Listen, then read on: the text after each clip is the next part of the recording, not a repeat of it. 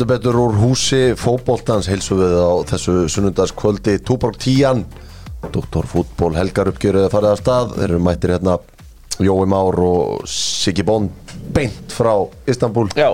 Siggi, við förum vel yfir þetta eftir, var ekki gaman? Ég veit það var geðið Eða ekki? Jú. Við værum ekki hérna nema Dominos Það eru vinir Dr. Fútból, fekk með Dominos í gær og það er bara eins og alltaf, þetta klikkar aldrei þú veist alltaf hvað þú færð, þetta er alltaf sögum með gæðin Það er stöðuleikin Stöðugleikinn, Tíu já. Hjá Dominos stöðuleikina þess að Ég maður er að fara þangað eftir þátt. Já, heldur betur, fitnessport ef þið eru ekki byrjað að kæla, byrjað að kæla.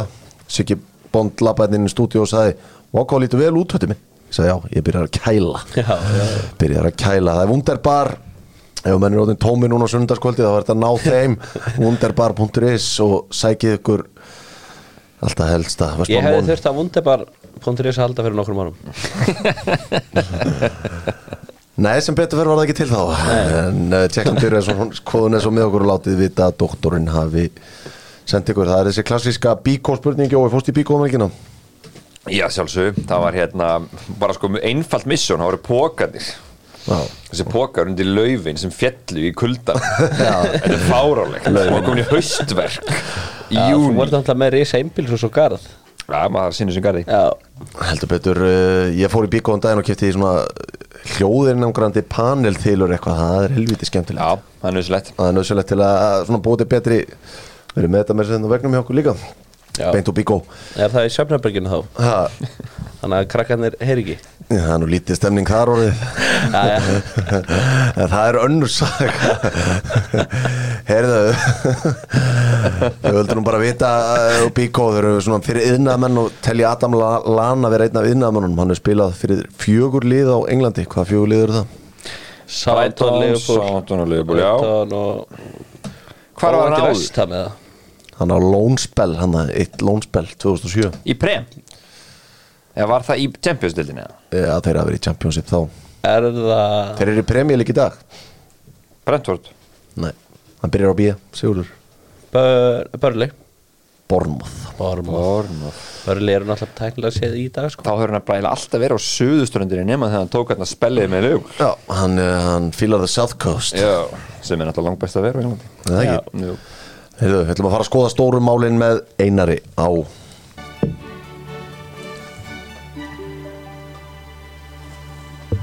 Þetta eru stóru málin þessa stundina Það er úrslitaleikum meistaradeildarinn sem framfór í Istanbul í gær. Doktorfútból eini frjálsi fjölmiðin á Íslandi sem sendi mann á völlin Siggi, hvernig var þetta á vellinum? Fannst þetta sangjant? Nei, alls ekki, alls ekki að vellinum. Þetta var Mér varst leikplani á einn saki bara að ganga fullkóla upp. Sitt í náðilega ekkert að pressa á. Og mér varst einnig að vera með allt kontrolleikin Drápi leikin bara. Og eins og statsin segja, ég meina 14-6 í skotum fyrir Inder 1.68 á móti 0.99 XG Þetta er tölfræð sem sér þetta aldrei á City Bara aldrei. Four big chances missed einn saki skó, skákaði Guardiola algjörlega, er bara gæðleysi og Lukaku náttúrulega bara bara lígilegt sko. En, og stuðnismenn Inder, þeir voru störlaðir allan leikinn, það var orðið pakka ég satt þar, Inder megin. Þið mættu orðið- fyrr. Já, við vorum mætti mjög snemma sko að þegar Júfa ráðlega það og það var alveg sniðið sko en sitt í stundismenni voru til dæmis þeir voru bara mættir hálftíðan fyrir leik eða eitthvað. En intermenn voru mætt tveimtíðan fyrir leik og byrjar að syngja sko.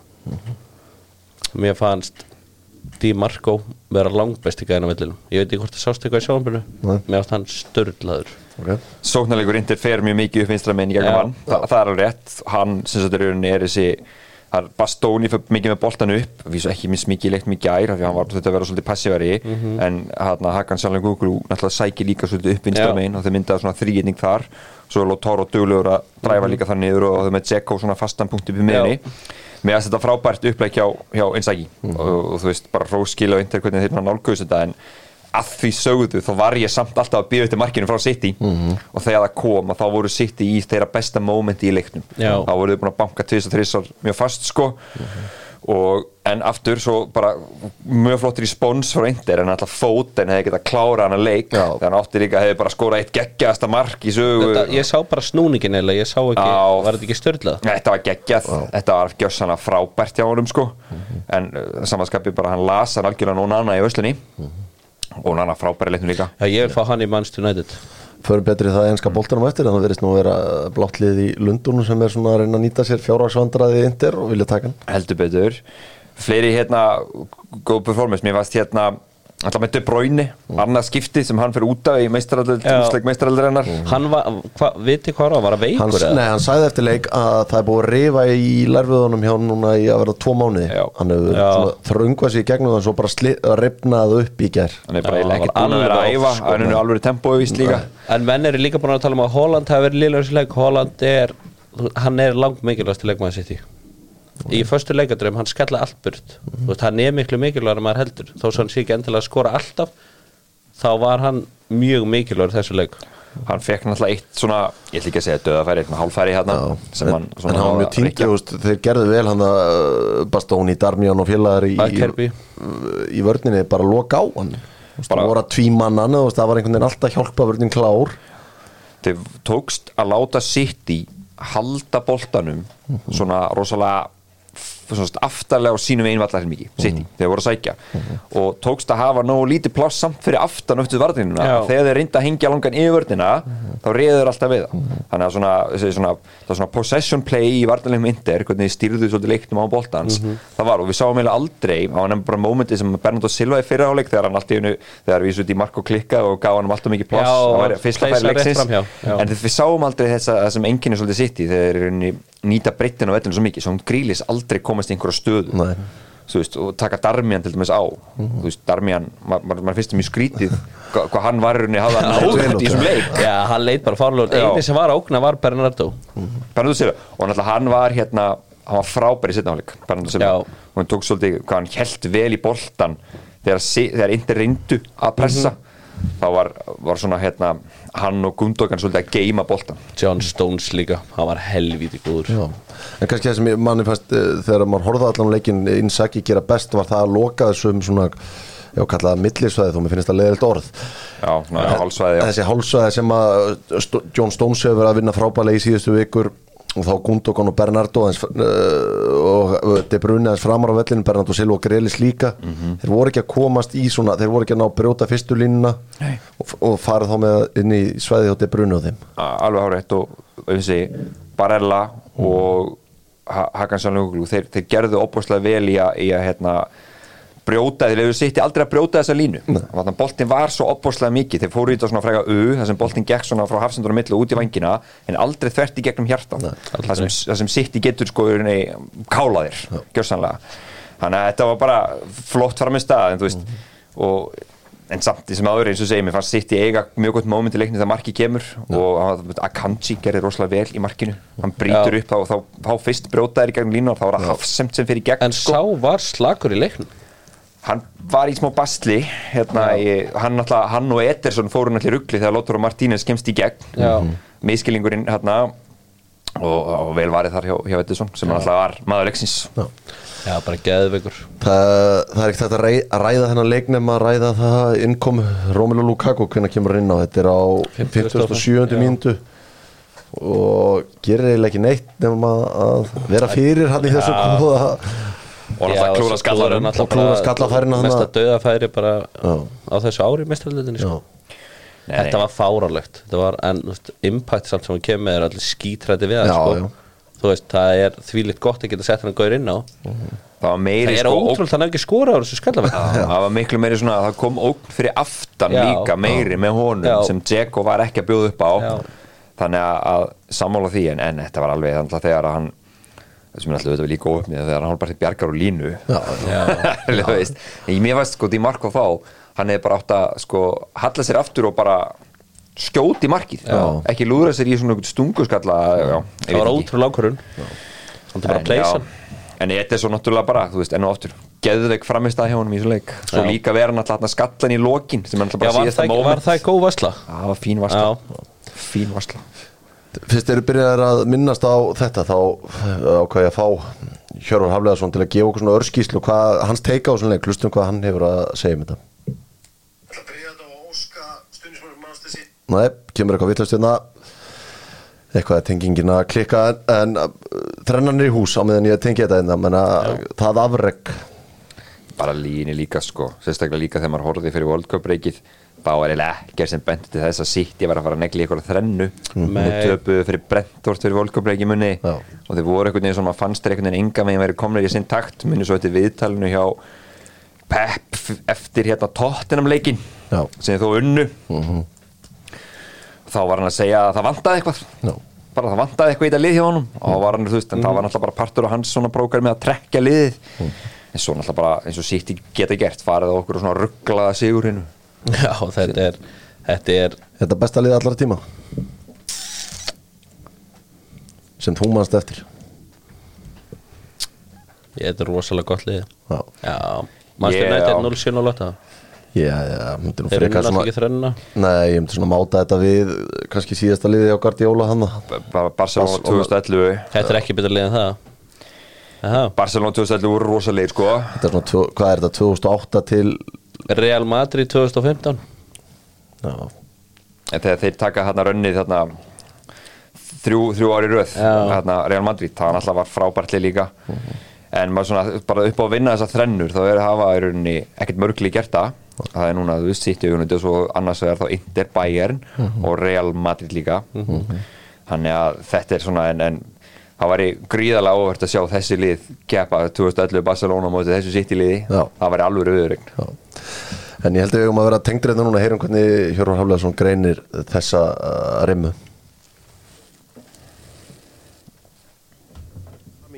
Og uh, það hefur alltaf verið saga meistaradeildrennar þegar að ennslið vinna að markmenn kom með stórt, stórt framlag. Og þessi framistæði hjá Edison í gerð var gjössanlega geggjuð þetta múf hans á 9050 mínútu að fara út á 15 metrana að sækja hann að kross það var, það var eitt af tilþrifum vetrarins.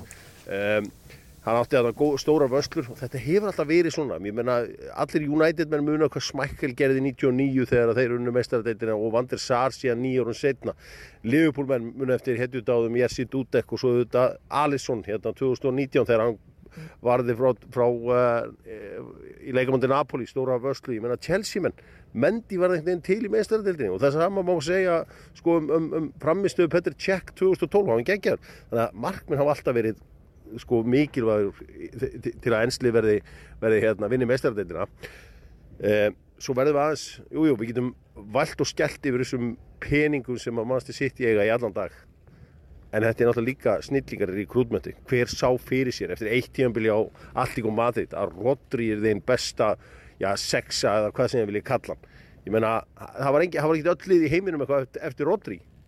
Það voru heldur ekki öll lið í heiminum á eftir Ruben Díaz eða Ederson eða hvað sem allir þessi gæðar heita. Þetta er bara frábært rekrútmönd og uh, óska öllum sittimönum til að hafa mikið Heldur betur, uh, Jói, það er svona kannski umræða sem við farið að staða til leik. Það er náttúrulega þessar uh, 115 ákjæru sem að liggja á baki sitt í og einhvern veginn svona uh, umræðin tegist í þá átt. En er þetta ekki ágætispunktum með rekrútmynd þú þeir hafi stundum brotið bankan til að sækja menn eins og grillis og, og hvaðina en þá hafa það líka oft á tíðum verið ansi klókir. Virkilega klókir. Og sér líka bara þegar þið taka þú veist Bernardo Silva líka frá Monaco-liðinu þú veist, Gaur sem er búin að vera s- ógeðslega steddi í hann hvað síðan 2016 eða eitthvað Er það ekki bara þeirra bestu kaup? alveg upp þegar sko Já. svo stöður um, hérna, Akanji. svo náttúrulega líka fyrsti leikmaður sem Pep Guardiola kaupir, það er Ilka Gundogan Já, Það er ágætt kaup það er að, sá er búin að vera segur þáttur að vera hérna með sem sagt svona alltaf framar á sérstaklega sýti fellinu sínum var mjög mikið meittur Já. og svo Pep einhvern veginn bara gerir leikmenn betri. Þú veist, þau er búin að taka núna 6 tímabil og Kyle Walker fyrir einhverjar 40 miljónir punda, þú veist. Já, það Kyle er Walker, já. þegar manni sko, mann fannst það vera rosalegi peningar Já. eins og svo einhvern veginn er það svo lítið núna þú er búin að fá þetta framlag og þessa titla og þessa framistuðu frá þessum gæjum. Þú veist, manni finnst kannski eins og segi, sko, allir þessi pening fyrir Greilis, þú veist, þú veist, svo er það svona hann var dabur í fyrra á fyrst tíðanbili sinu svo er hann algjör leikir í þessu liði núna spila alla leiki Já, í þessu kerfi. og ég meina það það á að borga 200 miljónir punta fyrir svona snilling því að eftir hvern einasta titil er þetta er aðal maður þetta er maður. Ég meina er ég veit ekki hvað ég er búin að sjá mörg myndbönd síðasta sólarhingin á honum að fagna ég held að hann, hann, nefndi ekki sturt eftir leik hann var ennþá að jamma í búningum átta í morgun Það er líka sko með Jack Riglis líka sko, þessi gaur hann heldur sig sko, hann heldur sig stabílu með tímabili svona yfirleitt sko, svo núna er hann að fara til Gríklas svo breytist hann bara, svo breytist hann bara ekki svona holiday bretta Já, verður bara náttúrulega róni í það verður bara í bísa maðurinn og eitthvað sko. Nei, en, en þetta er rétt með, með hérna, sko City. Sko, bursið frá þessum ákjærum og það er snúan alltaf því aðalega hvernig þeir eru búin að sko búa til í rauninni búa til veltun og búa til meiri peninga sem sagt úr kannski sem með ólöglegu leiðum. Mm. ok, það er bara eitt þáttur. Hinn þátturinn er svo að nota þessa peninga rétt. Og guðmir almáttur það er alveg lið sem hafa átt meiri pening á milli handana en sitt í Mm. en notað á miklu verð þú veist, horfðu bara á meginn minn Todd Bowley. Já, ég meina þú getur skilur er- Manchester United líka. Já, það er þess að bara Eðsland City og United frá City kemur til leiks er örugglega bara svip sko. Þa, það, það er nefnilega málið. Og undanferðin hvað 6 ár þetta lið sem búið er að smíða þá er engin opbúrslega munur á það á þannig að, að það er líka, þeir eru opbúrslega að halda vel um þetta, Tixi Bargustæn og, og náttúrulega Pep sjálfur. Eru líka með besta þjálfur heimi? Heldur betur, hann er svolítið búin að hann er svolítið búin að sigra eitthvað í fótboltan Já, já, gæti hann hætt núna hann er nýbúin að klára annan samning sem hann gerði þarna three more years, sem sagt fyrir þetta tímabil Já. er það ekki rétt? Jó, ég held að, Já. held að reyði tvö eftir Þú eftir og ég veit það ekki, það er eitthvað sem getur svona kveikt undir Pep, þú veist, núna vill hann bara fara Er í hægt að fernu Já, já, er ekki líka hægt að búa til dæn Þú veist, Vill hann ekki vinna þetta aftur ég er líka? að segja bara taka Real Madrid á þetta getur unnið þetta uh, meir oftar en einu svona í röð Þú veist, taka, taka tvo í röð í Champions League hann var, hann var hann léttur eftir, eftir og sem þetta er Real Madrid með 14 Já, það er 13 eftir Real Madrid. 13 eftir Real Madrid. Jó, heldur þú sko að við séum að fara að sjá einhverjar uh, stórkostlega breytingar á þessu sittilið, við sjáum að Ríad Maris er orðar við lið og Gardjóli hefur gert það vel að þeirra mennur svona aðeins að detta út úr hann var bara selur og hann færi en fínan pening, Gundokon er samningslaus. Bernardo Silva hefur viljað flytja sér verið heittara loftslag svona síðustu ár. Það hefur verið orðum um hann mjög lengi Já. bara í síðustu tvö sumur mm. Laporte vill vantalega fara ef að það er eitthvað í bóði ég held að hann fari og Maris líka, spurning hvað er með Bernardo ég held að Gundogan einhvern veginn fari líka en hann er strax byrjar, hann er að taka co-assist frá Chelsea sem heitir smell passi inn í hennan Pep-bolta, verður fabakaupin hann er bara, þú veist, ég hef nákvæmlega engar ágjörði að þeir finni sko like for like að verði bara þessna bara betri. Já Það er- verður erfitt að replacea Gundogan en, mjög. en það verður ekkert mál held ég að replacea Maris sko. Og eins frábær leikmar hann er þá finna þær einhvern annan sko. En þetta eindelið það fá langa leiði og þú fórst náttúrulega aðeins yfir það inn á föstu en þess að þessi fjárhagsvandræði sem þeir rík það getur verið fróðlegt sumar hjá þeim talsvöldabreitingum það eru 11 leikmenn núna annarkort á láni eða samningslausir. Og þeir geta ekki samið við þessa leikmenn aftur svo er spurning, þeir eiga náttúrulega nokkra verðmæði leikmenn. Og núna annar margmaðurinn, þeir eiga Lotoro Martínez þeir eiga Nicolò Barella. Þú veist, en ég held að það eru sko, það eru lið sem er örgulega kroppa í eins og Barella, ég menna sko ef hann ákveður að vilja fara bara mjög mörg lið í heimsvöldum sem vilja fá þennan gæja er öll lið. því líka orka. Já, og, og svo mikið jafnvægi hann líka. Góður bæði vörn og svo geggjaður svona Nei, segi, í sókn og vörn. Já. það er svo mikið jafnvægi í honum. Þannig að það er leikmaður sem ég held að sé afar spennandi bara til fyrir liðin svo Liverpool smelt passa einhvern veginn þar en, en já, en þeir eru í bara basli þeir skulda opbóðslega peninga eins og ég fór yfir þetta eru 900 miljónir dollara Já. og eigandinn einhvern veginn er svona einhvern veginn millist eins og sleggju Mhm.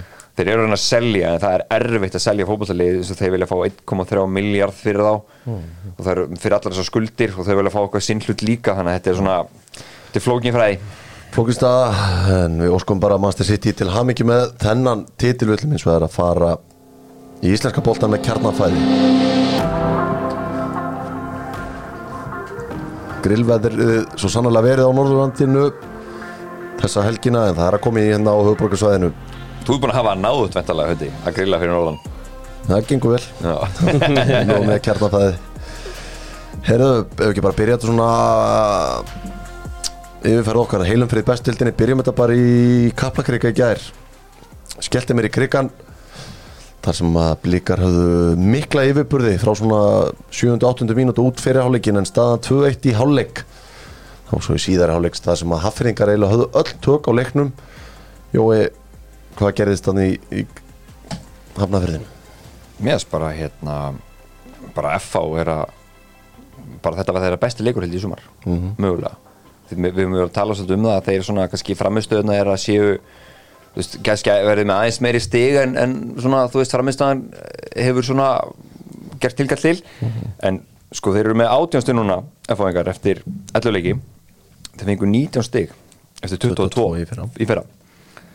Þannig að, þeir eru sko Heimi Guðjónsson er bara búin að vinna helviti gott verk og þeir voru bara mjög ofni, þeir voru bara betri og átturunni bara vinna þennan leik Já. í gær, þeir, þú veist tveir sittirar þarna, þú veist, þetta fengur blika líka sín upplöp, Já, já. það er alltaf þannig en bara svona, þú veist, heilt yfir það voru bara F og sterkar aðalinn í leiknum. Og það, ég, ég átti alls ekki vona á því farað inn í þennan leik. Heimi er að hann er búin að vinna kraftaverkana Já, ég meina bara ekki gera lítið úr þessum leikmennum sem hann er með en hann er búin að bæta flesta þeim en að Óli Guðmunds er búin að vera betri Davís Snær er búin að vera betri. Já, miklu betri. Vúk er loksins að virka í. FH hann að, hvað er þetta ekki þriðja tíma bleðan svo hann búin að non-factory sko, bara geri, ekki gera neitt í tvö ár. Já, Það er að halda eitthvað áfram og svo styrkja þetta. Davís Snær skor á bæðimörkin í gær. Hann kom, í, kom hann ekki í fyrra? Jú, hann er búin að vera, hann var ekkert sérstakur í fyrra reynda bara eins og alltaf að fá liða, Já. það var kannski ekki að marka. Hann er búin að vera frábær núna, er sérstaklega í síðustu leikjum. mikill uppgangur í þessu á F-fóingum og fengu fullt að færum hann í ger fóru svolítið Sóknarleikurinn er bara í algjörnum toppmálum hann. Þeir eru bara drullu góður, en varnarlega eru mjög shaky. Já, voru svolítið direkt bara. uh, Það er áhugjefni fyrir þá að Úlfur fer í námið sem við held að sé vist að sé að fara að gerast núna. Já. það er vist, það var svona einhvern veginn það var einhver spurningamarki með það. Já, það er, það er held ég on. Já, það er þá bara eitthvað, það er hann að snemma í ágúst. Já, þannig að hann á þá bara mánu eftir núna ætlar að koma líka landsleikilík sko. Já. Já. pása núna. Þannig að þá þarf í rauninni kjartan Henry að stíða upp og náttúrulega Lennon líka inni svona Mm. einhver leiti Björn Daniel er náttúrulega búin að fá núna í sex vikur held ég. Já, hann kemur líka. Hann Það styttist- styttist- hitti hann á vellinu mikið, hann er klár eftir landsleikja frí Já, stýtt í hann það er styrking en Og ef allt í þessu lífi gengur upp þá verður Emmi Hall og Gilvi sig á miðunni líka. Ef allt í þessu lífi gengur það verður nú að sagja til næsta lag. Verður- með að koma það búin varandi Emma Hall? Nei, ég held bara að hann enda alltaf í FH En málið er að hann mun vilja sko fara aftur út til Ítalíu, hann býr bara þar. Já, Þannig að hann mun vilja fara aftur þangað í september. Já, já. Þannig að var, hann kemur bara í smá stund sko. Ok En mér finnst hérna að hann heilla mig alltaf meira að þessu síðan hérna Kjartan Kári og með svona bara satt í gær svona tvisa þrísar alveg fór illa Já, það var sérstaklega þegar hann komst í gegn hann í fyrri hálfleiku alltaf svona finnst líklegt að hann hafi alltaf að vippa en hann hafi bara svo mikið meiri tíma til að koma sér í betri vingil sko. Já, en það er svona kannski þessi ógn Já. sem kom með svona, svona bara hálfgerðan svona, svona playmaker út á vangnum einhvern veginn hjá þeim. Mm. og hann fær einhvern veginn alltaf boltan og tilbúin að dræfa og fara í 1-2 það er svolítið svona sem hefur svona saknað úr þessu F-fólu, sérstaklega í fyrra. Þannig að hérna bara hann er að koma skemmtilegur inn og, og svona alltaf þetta moment þarna með Kjartan Henry, Já, hvað veist ykkur? Sigurður, hvað Það segir er að þú? smá æsingur damir öskra eitthvað á hann og jú, kjartan ákveði að gera þetta en þú veist, þá getur fara að dæma eitthvað í bann fyrir þetta. Það er bara dæmt í það- það bann eftir einasta leik. það verður ekki dæmt í bann held ég eftir þetta ég held að það sé mjög ólíklegt. Hann fekk gulaspjaldi líka, þannig að dómarinn sá þetta. Já, hann, hann gaf mér báðum guld bara svona eiginlega fyrir Já. kýting sko. En það er svona mjög fyndið að láta að vaða í þetta sko. Það verður að fara að passa sig aðeins kallinn myndavel en það fylgja honum aðeins meira en öðrum leikmönnum. Uh, en hjá, þú veist hjá blikunum þetta eru núna, er þetta ekki þrjú játefli í rauðudildin, þetta er Víkingur uh, Keflavík, Keflavík. FH Já, maður átti einhvern veginn vonast í Víkingarnir vinna í kvöldan, þetta er orðið sjöstig Já, og þú veist, það, það er bara eitthvað sem að vantar hann það er, það eru náttúrulega engi kantmenn í þessu liði. Já, svona daðu þetta búin að vera bara hálf heilsulegs í í sumar, Patrik Jóhannes er náttúrulega meittist þannig að hann er ekki endilega að leysa þetta og sást kannski best í gæra þegar blikarnir er að reyna að sækja jöfnunamarkið nei, jöfnunamarkið, sækja sigumarkið þá er Stefán Ingi Sigurðarsson tekin út af og Alex Freyr Elísson settur á vinstri vengin já og, og hérna sumi leiðis með sko Kitty Steindós líka frá. Það Já, það, þetta eru svo margi leikmenn sem einhvern veginn vantar og tekur svona blikaliði fyrra. Þá er þetta bara öll framlínan við þú segi, Kitty Steindós og Jásson það er bara non-faktor í sumar. Náttúrulega og, og þú veist ekki Ísak og Dag og fóru. Dagur fóru þannig að þetta er einhvern veginn svona þetta er, þetta er mjög haldandi og hann sagði það hann hérna Óskar Hafna að þeir væru svona að byrja að ganga núna eftir vikingunum þetta er nú, nú bara að halda verulega aftur sko. Já. þetta var þetta var svona eiginlega með þeim dabrari framistöðum bara í sumar, þessi leikur rosalega orkulitlir, kannski að náttúrulega rótera meira, ég veit það ekki en þetta er mjög ósannfærandi og minnst þið vera að logga sér svolítið út úr titilbarðunum með þessu Já, menna megum við ekki alveg að setja spurningamerki við rekrútmenti fyrir þetta tímabil? Þetta óefni með Patrik ef við sjáum ger að fyrir utan Brynjar Alltaf Bragason Markvörð, þá er þetta allt nýjir leikmenn sem komu í fyrir tímabil, þetta er Alex Freyr og fram sem hefur lítið spilað í sumar og hann var ekki að gera sér neina greiða í gær, hann fekk eina auðvelda sendingu mist hann út af, sendi boltan fárulega tók illa mútið bolta, Arnór Sveit sem kom frá KR, Alexander Helgi sem kom aftur. Ágúst Orri kom með múratunum sko, Ágúst Eðvald og Ólífi Stefánsson. Algjörlega og- Enginn kom með neitt að borðinu þarna. Nei, það er bara af nýju leikmannunum eins og ég segi, óhefni með Patrik en þá Arnór Sveitnur reynda að spila ágætlega en það er bara klæmt. Clement og það, það er sko, það er í rauninni bara það, það er eiginlega engin sko skipting sem þú getur tekið sem sagt sókna sem skipting. Það er Ágúst Ágúst Eðveld Ágúst Orri ætti náttúrulega að vera Já. eitthvað en hann er ekkit hann er, hann er ekki, sumar sko. segi, hann er ekki mikið inn í þessu. Ágúst Eðvald, þú veist, og hann er auðvitað mikil orka í honum alltaf, en hann kemur bara svona endprodukt hjá honum það er ekki til. Það er bara hans akkilesa hæll í fótbolta sem við mikið synd venni, hann er sko, hann er í yðin og, ágætur sem að koma sér í stöður Já, já, já. svo verður bara eiginlega ekkert út úr þessu. Það er bara að vera núna, ég sá mjög margir leikið með honum í fyrra æmi val, þetta er bara svolítið, bara svolítið viðlóðandi við hann. Þannig að þessi, Eithor Völer til dæmis, þeir eru með hann á láni Vist, hann er svona yðin og duglegur. Hann myndi, hann myndi verið í hlutverki núna í blikunum. Hann skorar líka og, og leggur upp sko. Svo sagði áðan hérna fyrir þátt um Petur Theodor í gróttu. Er það eitthvað? Já, þeir þurfa að skoða hvort þið getið sótt sér eitthvað. Tilbaka bara þess að leikmenn segja lánuði Já, þú veist, út af því að Bekkunni gerir mjög varnar bara Sinnaður. of, bara allt of. Já, þannig að lítið til að breyta leikjum.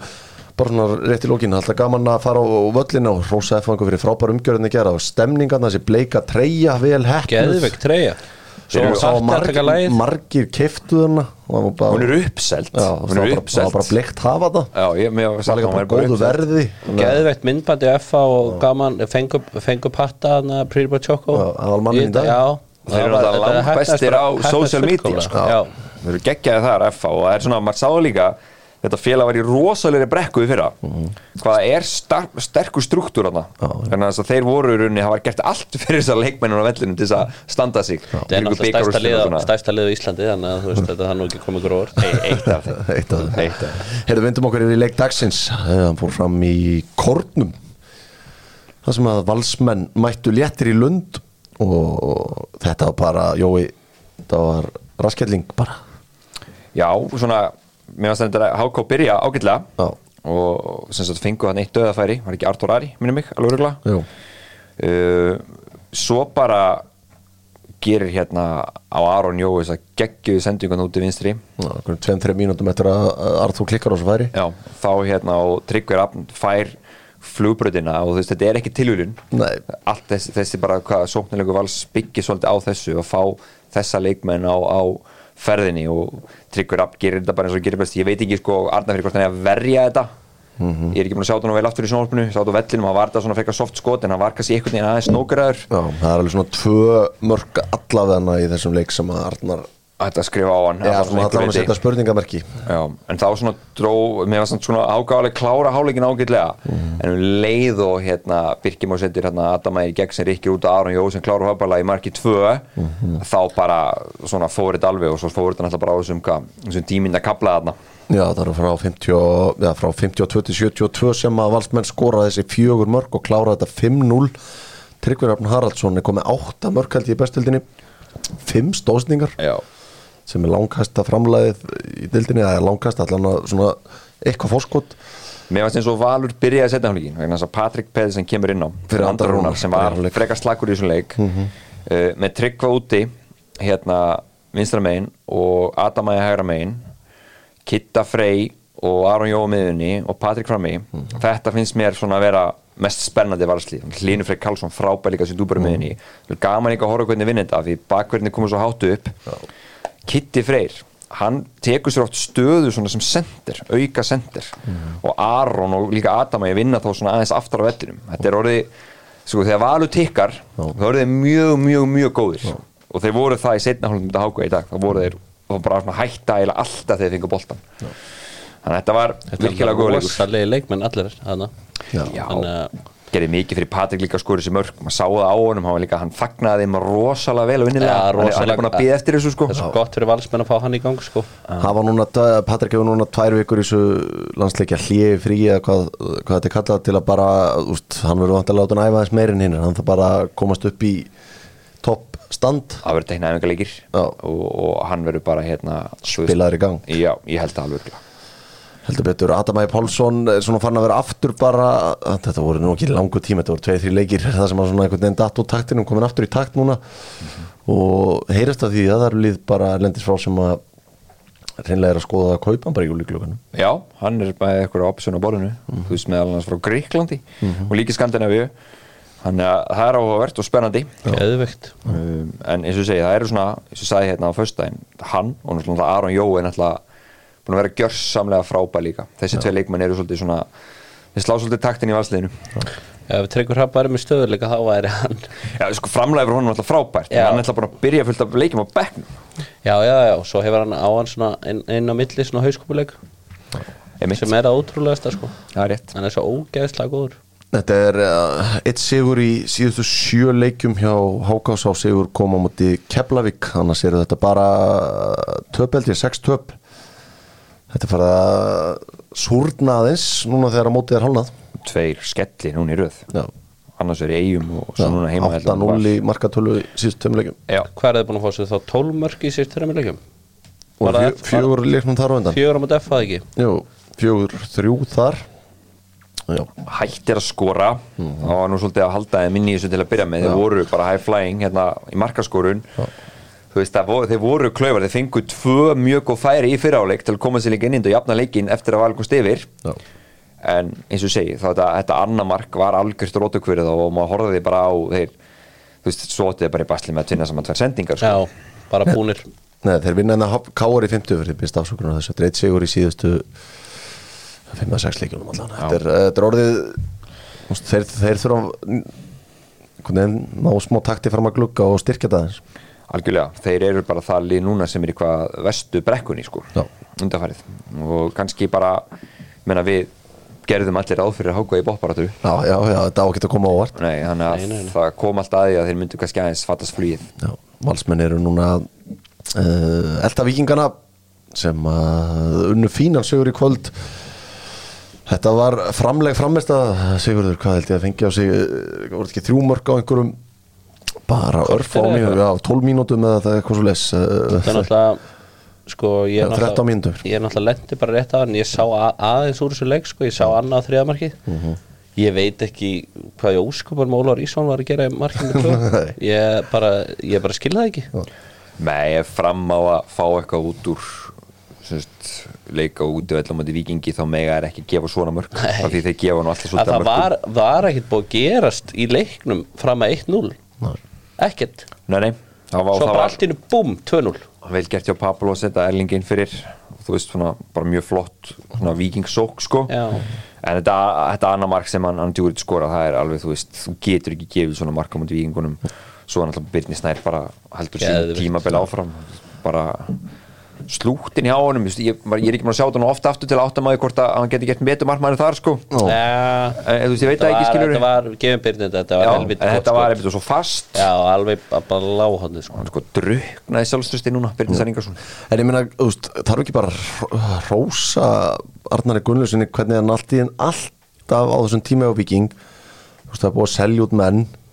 Hann er alltaf að finna næsta þú veist, Birnir Snær kemur uh, að með minni fyrir síðast tímbil var var í mjög litlu hlutverki þannig og mm komið lítið á borðun Djúrits kemur inn á miðjutímabili það næri að fá þessa menn alltaf til að koma og, og prjódúsa núna er þetta bara kantspilið er að þessi tveir menn þetta er bara unnun og horfa þetta já, algjörlega í fyrra svona hvernig tíðanbili endaði þá var þetta minnst Ari Sigurpálsson að draga mikið vagnin og að það veist að mánu meiddur. á hann fyrir út uh, þú veist það sá enginn fyrir sér að Birnisnar Ingásson var í umræðinu sem leikmaður mótsins. Nei. þegar mótið er þú veist hálnað.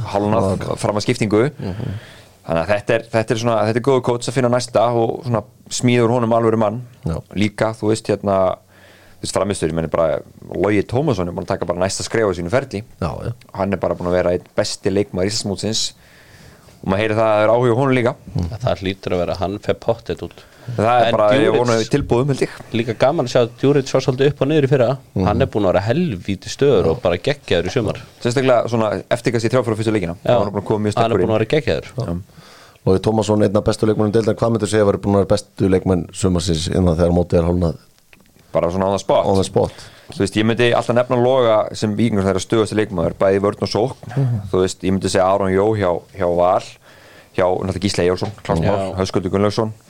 Már, Höskuldur Gunnlaugsson Óli Reykróð Oliver Ekkoð klálega Tryggvi Eh, Hrafn. ef, ef Tryggur Rafn, ef hérna Hjörvar var einna, þá myndi hann skamma okkur fyrir nefningi Ingvar Jónsson, búin að fá, fá mörg á sig. Já, sjö mörg sem mörg, uh, sérstaklega þegar hvernig hann byrjaði. Já.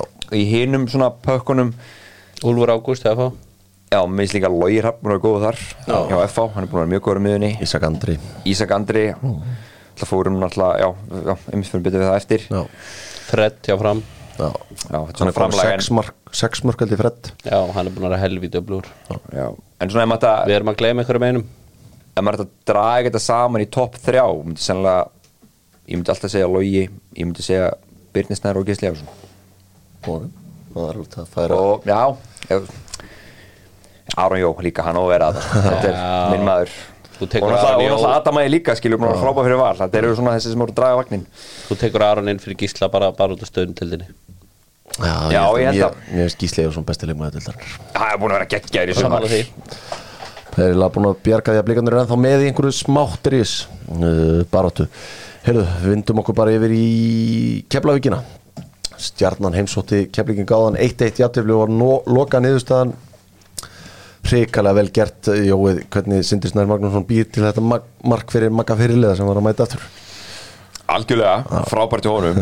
En guðminn almáttugur hvað Ungu var raskella ungu drengina fyrir að sko hoppar upp og sýnir hún rassin sko í hérna dótunni, þetta er náttúrulega bara sko þetta er sjötta flokkstæmi og hinn lætur líka fipa sig en frábælega gert í honum, klárt. Og þú veist, hvað er þurft á þessu marki að halda keplæk maður? Líka með fyrirlega mark líka inn í teiknum að þetta er yngi vonið að þessi tveir myndu vera að fara Mixa að kokka upp eitthvað mark. Nei. Aldrei. En að sama skapi, ég meina leikpláni hjá, hjá Keflæk var mjög einfalt, þið duttu bara nýr fimm manna línu. Og sem sagt, Sigur ekki bara, hann er bara að byrja að múra. Þú veist, og svo, þú veist, sá ég vita allir leik, hann sagði, þú veist, hann er samt fyrir vonbrun hvað þau sköpuðu samt lítið leiknum og það er svolítið alveg rétt. Stjarnan voru, finnst mér líklegri. En að sama skapi áttu er erfitt líka með að skapa sér færi út af því að það er engin Ísak. Nei. En eins og segi, þetta var komið jafn mikið óvart að allt í nú var minnum minn Danni Lax mættur hann upp, vinstri vangin Straujaði hann bara. Já, og lúður á hann fyrir.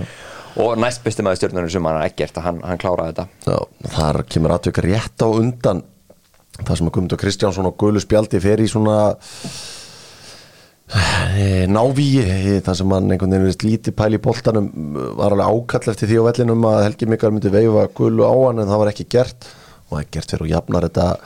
Þetta var guld, hann stoppaði skyndisókn. Er það ekki? bara samkvæmt bókinni það átti að vera guld Já. þú veist, ef við bara erum alveg heilega með það. Típist fyrir keflaug Já, Já, þetta er ekki mikið með er ekki á botninum núna eftir þessar 11 umfyrir með sjö leiki.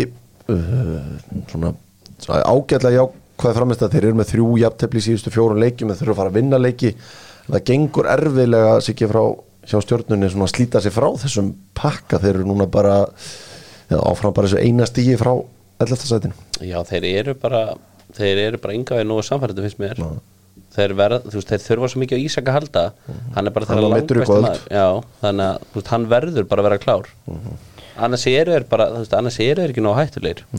Virðist vera en þeim að ná að jafna þetta hann virðist eiga erfitt með að spila marga leiki rauðan Ísak Já. sérstaklega þegar þeir fara á þunga græsvelli eins og sagt, var svona pínu kartöflugarður kefleikvöldi núna. Já. þá virðist þeir bara sem taka hann út, ég gerði líka með til káur svona í fyrirleiknum, sem sagt hérna í dildinni bara kvíldan, rættur um að hann geti bara meðist alvarlega, að hann er búin að vera svona tæpur. Tveirleikir í gær, K.R. IBVF uh, Eyjamenn klikk á víti þar uh, Símen varði frá Sverri Bá Hjaltesteð það var svo Sigurður Bjartur Hallsson sem kom K.R. yfir áður en að Felix Friðriksson jafnaði leikinn og í uppbóta tíma aftur fengu Eyjamenn víti en uh, saga leiksins jó var nú bara þannig að Eyjamenn voru eiginlega bara sterkari og miklu meira en það Já. þeir voru náttúrulega bara sko, ég held að Ólefur Heðarsson hann átti held ég, og þetta ekki tvö í, í þangaskott Já. Alltaf klúra víti líka og þú veist, tveimur öðrum sitturum þú veist líka var Rúnar bara mjög heiðlega eftir leik og sagði þeir áttu bara ekkert skilið. Áttu, þeir, hann sagði við þeir hefðu verið góðir, góðir í þrjármyndrulegin Já. Já, þannig en sko, en að því sögðu að þá fannst mér þetta eiginlega ekki vera víti hann í lokin, Nei, þetta var mjög soft. En eins og segi, þetta er hérna að fjalla á eitthvað aðeins með eigamönum þar. En ég held sama sá á auðmikið hemmar reyðast og sögð á hann eftir þessa framstöfin þess að þetta var að fá ekki þrjústöðu sem leik, þess að þeir voru virkilega góðir. Og hefði verið mjög bara flotta hjá eigamönum að að fara með þú veist tvo sigra í röðu sem átt að gera, það er komin alveg kraftur í þá aftur. En þetta var hjá skrítin leikur svona sem var maður sá ekki nefnilega í kortunum að káringa myndi vera svona slakir í þessum leik. Nei. maður sá það ekki fyrir. Nei, ekki eftir að fína sigur á stjórnun í byggarnum Já. Hefur einhver áhugjur á þínu manni þegar maður reyða sann í 11. sæti? engar. Nei, Engar, eh, ég bæði að fer ekki ára að falla sér bara þetta liðið, þetta er bara þú veit, hann er öll úr sínum leikmannum þannig En ég, hann er ekki að ná neinn úr Filip Valensitt sem var stjarnar prísísson Nei, hann er líka örgulega bara pottet með lélegt attitút og hann er bara þólarinn örgulega það er bara pottet eitthvað Já. hann er gefur engan afslátt sko. Gefur einhver afslátt að menn en ekki að hlaupa að þengum Nei, Þetta er alveg ótrúlega jafnt. Þetta er upp rosalegt. Að fymta sæti. Það vil segja að Káa svona slítið sér frá pakkanum. Þeir Já. eru, hann 17 stígum en HK í 13 og svo ertu bara niður í 11. sæti 10, 10 stíg hvað er í bjáfum mörgsta 11 stig? 10 stíg, þeir eru bara 3 stígum eftir HK og Já, vá. HK er í sjötta sæti. Við kepla eitthvað að hangi á þessu í kvöld. Þá verður þeir bara komnir inn í hann napp líka. Þetta er bara, já, þetta er Við erum búin, er búin að fullera það að kepla ekki sé fallir, þeir eru ekkit fallir sko. Veist, þetta er Þetta er var, þetta var fín, þessu, sko. þeir voru bara virkuð bensínlausir í restina, þetta var fín framistæði Já, og þeir eiga eiginlega eftir þetta frí svona leik sem að já, þeir verða eiginlega bara að vinna, þeir er heimalega mútið fylki í næstu umferð. Já, heldur betur, uh, Káa uh, og fylkir áttu svo við í gerð Sveitmarkir Hauksson með glæsilegt mark þar þegar Káa vann.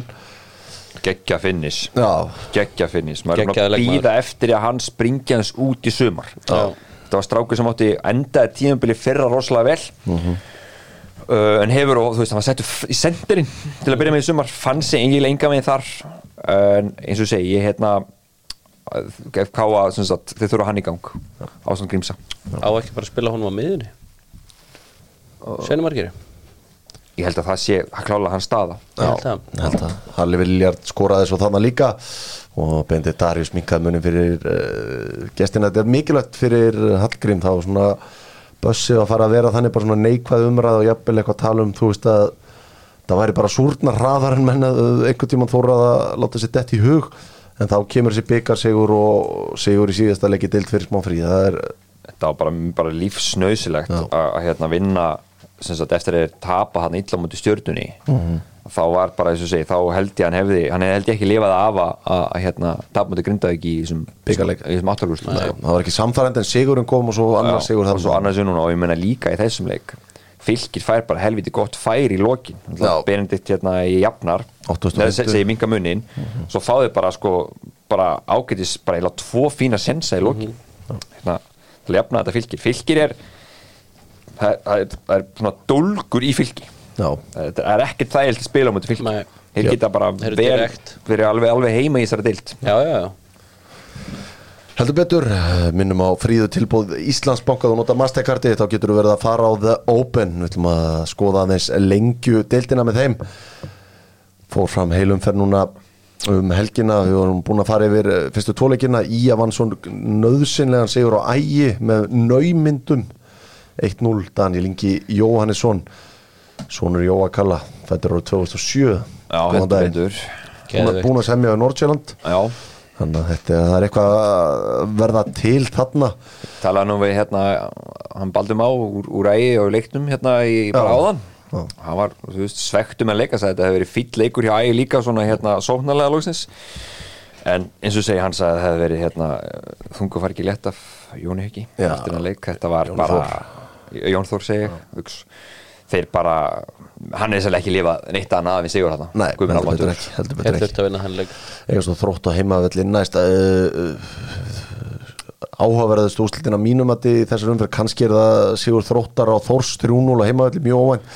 En hvernig, er hvernig afturhelding snýtir vestra Já, er það svolítið er ekki- þetta er bara miklu bara betra hversu lið. vel hversu góður afturheldingur orðnis Já, þeir eru bara geggjaðir. Hmm. Þeir eru með tvo bestu bakurinn í deildinni. Svo er uh, Elmar Kári náttúrulega eitt besti kantari líka í er geð Rasmus Kristjansen er það bestið hafsendinni Já, þetta er, þetta er geðveitt lið og þessi markmaður er held ég besti markmaður í deildinni líka. Þetta er geggjað lið sko. Maður hefur heyrt bara suma þá sem að þekkja markmannsfræðin betur en ég að Jekven Galgjúts ég kann ekki að byrja þetta fram. Jekven, Jokvan það sé bara náttúrulega hópi besti markmann á Íslandi. Já, ég get alveg trúið því. Maggi er náttúrulega rosalega góður í rekrútinu þannig að það þarf ekki að koma neinum óvart og ég meina Jú, þetta er náttúrulega kannski frambjörtustu voni menn þetta er pottitt planið þeirra sko. Já. en bara þeir eru líka 6 leikir, 5 sigrar 1 jafntöfli, markatalan 14-5 Já. Já, ekkert eðlilega Já, ég, ég átti vonaði afturhaldingar eða meðal svona kannski fimm eftir liðan bara svona hversu samfært hefur verið í byrjunni og kannski komin örlítið óvart. Grindavík er eins og að farið hyggsta. Þeir eru tvönu lifur á múti leikni í gær þegar Ómar Só minga munnin á 6009 og Robert Haugsson jafna svo leikin 87 þau verið aðeins að gefa eftir Grindavík. Og leiknir er vist bara mjög náldi að vinna leikin líka. Já, Grindavík eru sko, þeir eru með geggjarlega þeir eru þungir sko. Já, já. Góði liðs í banni eða ekki? Jú, þannig að sko Þetta var á, þetta er hérna þetta kemur alveg svolítið óvart. Að, að, og því leiknir er nú ekki búin að geta mikið til því ekki neitt. Nei, ekki neitt Herðu, uh, ekki fleiri orðum það Góða sigur á þrótturun Ég heldur betur og þossarinn er svona ofta á skelli hvað sem að þeir þurfa að laga á sér Þossarnir er náttúrulega bara alls ekkert með neitt sérstætt lið sko. það er alltaf verið að tala um að þeir ætla eitthvað að fara upp sko. það er nú bara eitthvað mesta rugl sem ég hef hitt sko.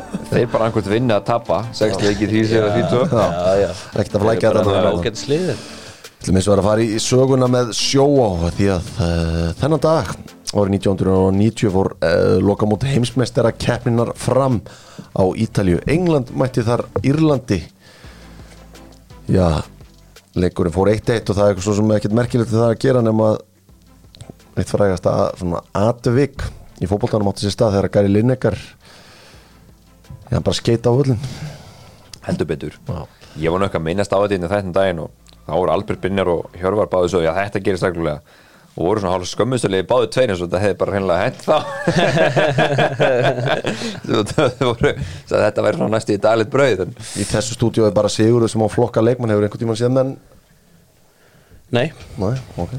Það er heldur ekki Menn hafa ekki farið og En þetta er frægt, þetta er mjög frægt. Já, þetta er svona með frægari eða það var svona einhvern veginn sama hvernig þú ert fættur og þú hefur séð þetta. Já, Herðu, við ætlum að fara hingað Enski boltinn með Fíla Ísland og Jóa útherja. Það eru held ég bara tveir mánuður í þetta byrja aftur.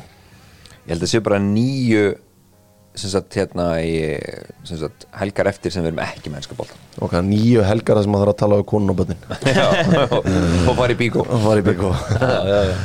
Herðu, leikjanýðurunin verður kynnt á 50 daginn alltaf ákveðin spenna fyrir því að sjá hvað þetta byrjar og svona hvað þetta endar heldur betur og hvað er hérna í Boxing Day er og svona. Já, hvað, hvaða leikið maður fara á hann í jólum og svona. Já. heldur betur, við myndumst aðeins á það á hann svona bara fara yfir þessar helstu frétti sem að verið um helgina úr enska boltanum. En það kom bara strax í dag. Og Nana í Chelsea svona farið að kvissast út. Var að hittna verulendi því. Búin að allt, allt, allt að fræga personal terms agreed. Já. og þá er þetta komið svona eitthvað aðeins áfram. Já. eins og segi, Inter þarf að selja. Já. og þeir svona, ég, held ég hægt að kroppi margar leik með það það kemur ekki óvart líka til sem myndir reyna með Lótoro Martínez já hann er hann verður góð fyrir Chelsea það kemur ekki óvart en Hvað- já, hvað- ég er mjög ánægð með Geturðu skipt á Lukaku og Lautaro hvað þetta borga á milli? hvað mér almatur Aðrar hundrað? ég var að vona sko að getur losað Lukaku til Saudi Já. Þa, það, er svona, hérna, það var svona eitthvað gameplan í gangi sko. Já. hann, hann var ætlan ekki að gera svona eitt greiða í gærkallin sko. Svo eru sumir sem segja bara hann verði bara áform og Pochettino ætli bara að smíða smíða eitthvað í kringum hann en hann þannig að vilja það sjálfur Já. en það er hérna sko líka varandi svona þetta leikmannaslugur það var, það var mikil sko mikil, mikil, mikil sjokk fyrir Chelsea að hérna Maldini hafi við hætti að vera reikin hérna frá Mílan vegna þess að þá átti að losa, þú veist, Rúben Loftus Síkþanga og mögulega Hækim Síðs líka. Já. nú er það bara komið bara sko upp, upp í loft. Já. þannig að þetta er svona, en ég er mjög spennt yfir Ónana ef það verður. Já, það geðveikt það er fyrir Chelsea instant, að fá hann. instant upgrade á Markustinni Þú svost að live í gæri, er hann Já, hann er svona góður? hann er geggjar, hann er svo rólegur á boltan líka. Hann alltaf er úr Erik Ten Hag skólanum. Já, þannig að ég skil ekki alveg að hverju maður stjórn Svo uh, bara ef við klárum markmanna eða svona það er markmanna dagur í dag. Uh, þar er talað um það að mannstjóri nætti það ætla að fá Jordan Pickford. Já það er því ég nenni þess ekki. Va, var þetta sem sagt einhver þess alvöru frétt eða? Ég það þetta var allavega einhverjum slúðupakka sem að BBC tók saman. Já, ok. Ég trúi þess ekki? Nei, ég trúi sér ekki heldur. Og það sem virðist vera nokkuð konkréti það að David Ræja er mjög langt komin með sín mál við tóttina það er bara þessi 40 miljóna punta verðniði Brentford sem er svona hæja á ferlinu Já, sko Ræja stóð sér Á afar vel. á bara ári eftir hann að 40 kannski vel í lagt. Já, það vissulega. Og Daniel Levi er ekki tektu fyrir að borga á mikið. Nei, nei, hann er náttúrulega nýskar en hann sko eins og gæði sko. En þetta er sko, já, ég Er, er hann svona top 6 markmaður, David Ræja? ég held að hann sé alltaf allan að uppgreita það sem að tóttinum hefur verið að vinna með svona síðustu tvö ár hjá Já, Hugo sex, Já, hann er mjög góður. Já, já, einmitt, það er svona Fáum að Þetta sjá er, það betur allavega í já, tóttunum þetta er, þetta er áhugaver, þetta er áhugaver kaup hvað, hvað þið líst ekki á pickvorti þinna manna hvað svona raunhæft? Hvað, myndur bara vilja fara í ónana? Costa og Nana Já. og Mike Ma- Mæn Já. Mike Mannin er bara, hann er í fílu núna hann vill ekki framlengja eftir að Maldini fór. Maldini er bara einhver, bara svona einhver guð hjá þessu meina, gæði Rafa Leo er bara bömmur að framlengt út af. Maldini er farin að það er víst, það er mögulega hægt að hérna, kroppi í Mike Mannian, það bara það er þetta bestu markmönum í heimi. Já, þannig að ég, ég vil ekki sjá Jordan Pickford Ég hefði samt eitthvað smá gaman að því sko, ég veit ekki hvað það er. En er hann þá að fara að sitja á bekknum eða, þú veist, hvað hva er þá planið? Ég, mér, ég sé ekkert annað en að þessi verið að fara að henda David ekki út. Já, Það er gullhandskanum. 100% Á hverju ekki búið að sem er bara nákvæmlega. En það er mjög sérstætt að fara þó í hann. Já, það er og þú sagðir úr Erik Ten Hag skólanum skilur mig þá myndi að að markmann í ætt við en eins og segir bara án annað það verður nú bara hæga heimatökin að koma sér inn í þann díl. Já, er eitthvað að frétta af sölunni? Það var það sem ég ætlaði að koma inn á næst það, Í kvöld fóru blöðin að byrta að það ætti að skýrast í vikunni. En hversu mikill farsi er þetta söluferli búið að vera, jú? ég skilði ekki, maður er búin að lesa núna eh, sko, frétt eftir frétt það sem á að vera síðasta bóðið Já, þetta, ke þetta kemur þannig að þetta er fyrsta umferð og þar fá menn bara eitthvað svona rétt að kíkin í bókaldið en þú farið að leggja inn svona einhver, einhver hugmynd af því tilbúð sem þú er til í að borga. Þú fær basically fjárfæstakenningu Já. skilur, þú fær bara, bara basically bara sko powerpoint Já. slæður, það sem þú getur bara að skoða ok, þetta er cirka rammin en farið ekki að fara inn innan dítela þannig að þá kemur með eitthvað svona hugmynd af því hvað þú ert til í að gera og kennst inn í umferð 2 þá farið að skoða eitthvað meira. Þá farið bara aðganga svona hérna í helstu liklum félagsins sem er þá í rauninni bara tekjur og göld og farið líka viðtöl við líkil stjórnendur Já, sem, og- sem er svona sem getur byggt á næsta tilbóð og þá gerur tilbúið með 2 en þá ákvað menn að fara í tilbúið með 3 okay. og það átt að vera síðasta tilbúið svo gera menn það tilbúið held ég að það er örgulega konar 6 viku síðan. Já. en svo eru menn bara hendandi inn á öðru tilbúið hér og þar bara svona.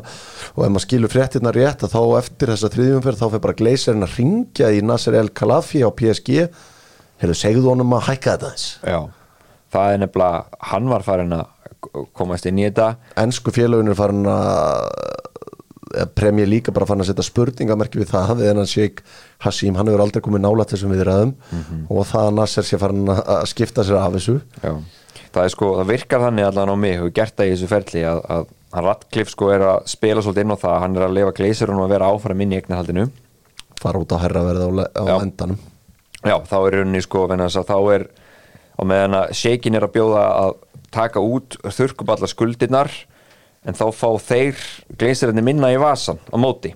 Já, ég held að nýjasta, ég last blöður rétt í kvöld að nýjasta hann sé þannig 5 miljardar punta pluss miljardur punta í investment. Já, sem er þá svona innviðinir sem er þá að lappa upp á Old Trafford og allt þetta. Sko ég hérna það verður allt það, það, þó það sé ekki allt vitlust en það verður ennþá sami pyrringurinn í Manchester United uh, bara hör- þessum harðasta kjarna ef að gleysir að hann hald, alltaf halda einhverjum hlut hann sko. og að þá verður þetta ennþá mjög skuldsett. Já, ég held að Radcliffe sé svolítið að veðja á það og þess að hafa svo sem nokkuð fyrir mér endilega en þú veist það er erfitt, það er eitthvað svona spurningamerki við hérna í Shakin og hans eignarhald og hvaðan peningarnir koma, Já, og- steitið Já, og þess að þetta sé state owned og náttúrulega líka þessi samskipti núna við eigenda PSG að þá svona einhvern veginn að, að, að það verði eitthvað svona það verði vesen að koma þeirri sölu yfir línuna hjá úrvastöldinni sjálfri mm bákninu.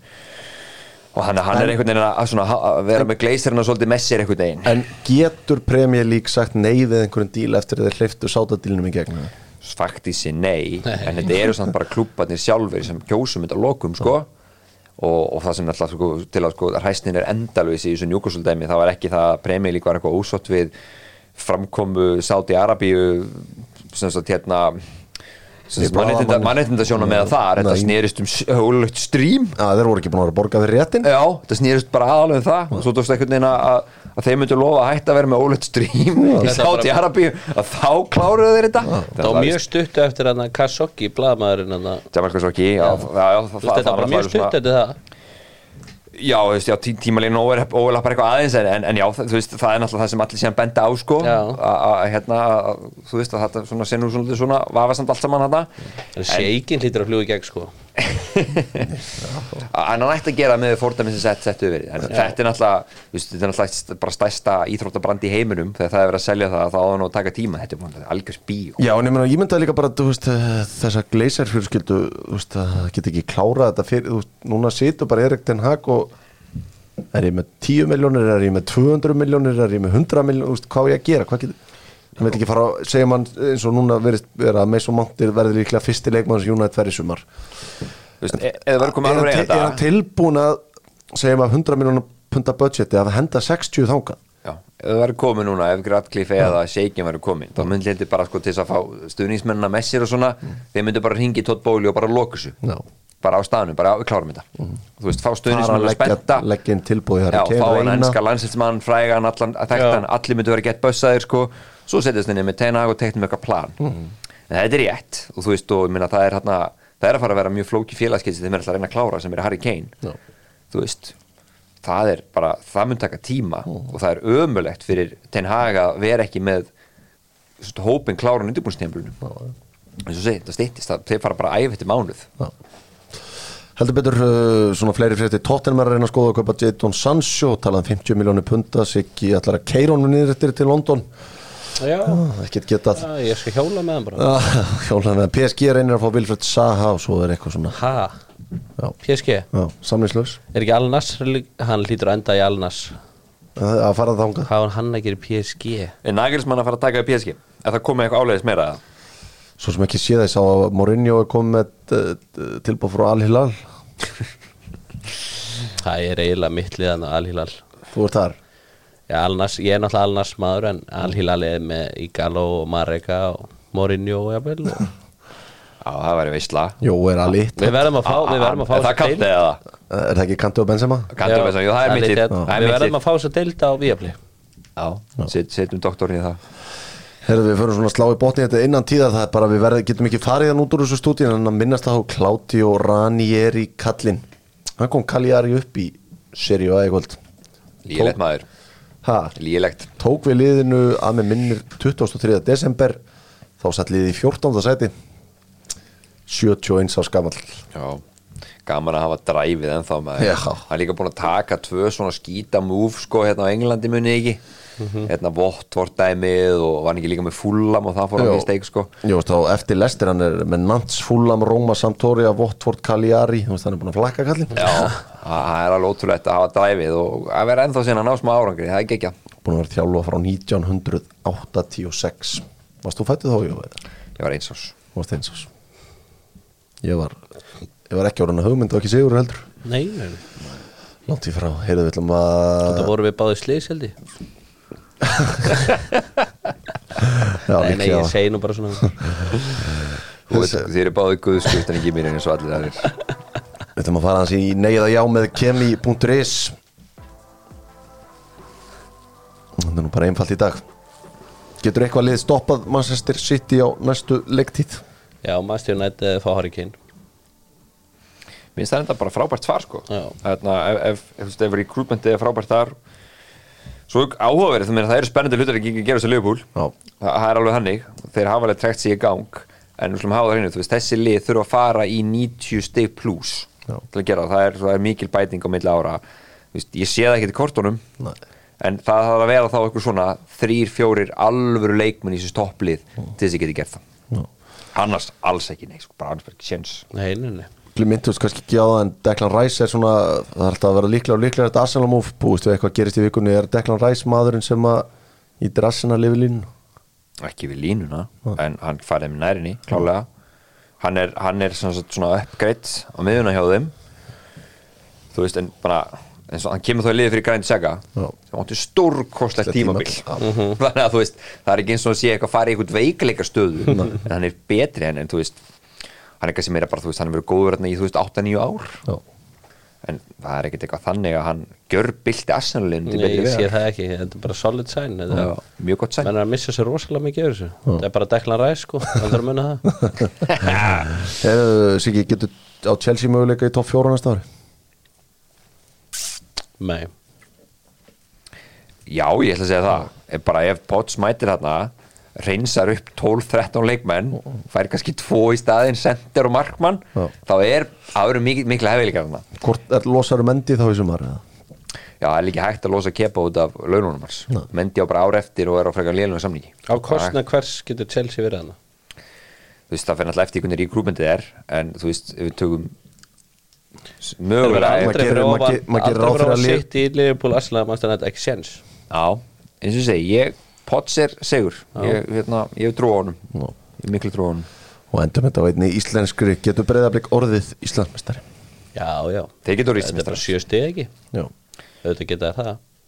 Þeir Og svo getur við sjáum ekki Það þarf eitthvað, það þarf eitthvað svona klikka hjá þeim. Heldur betur.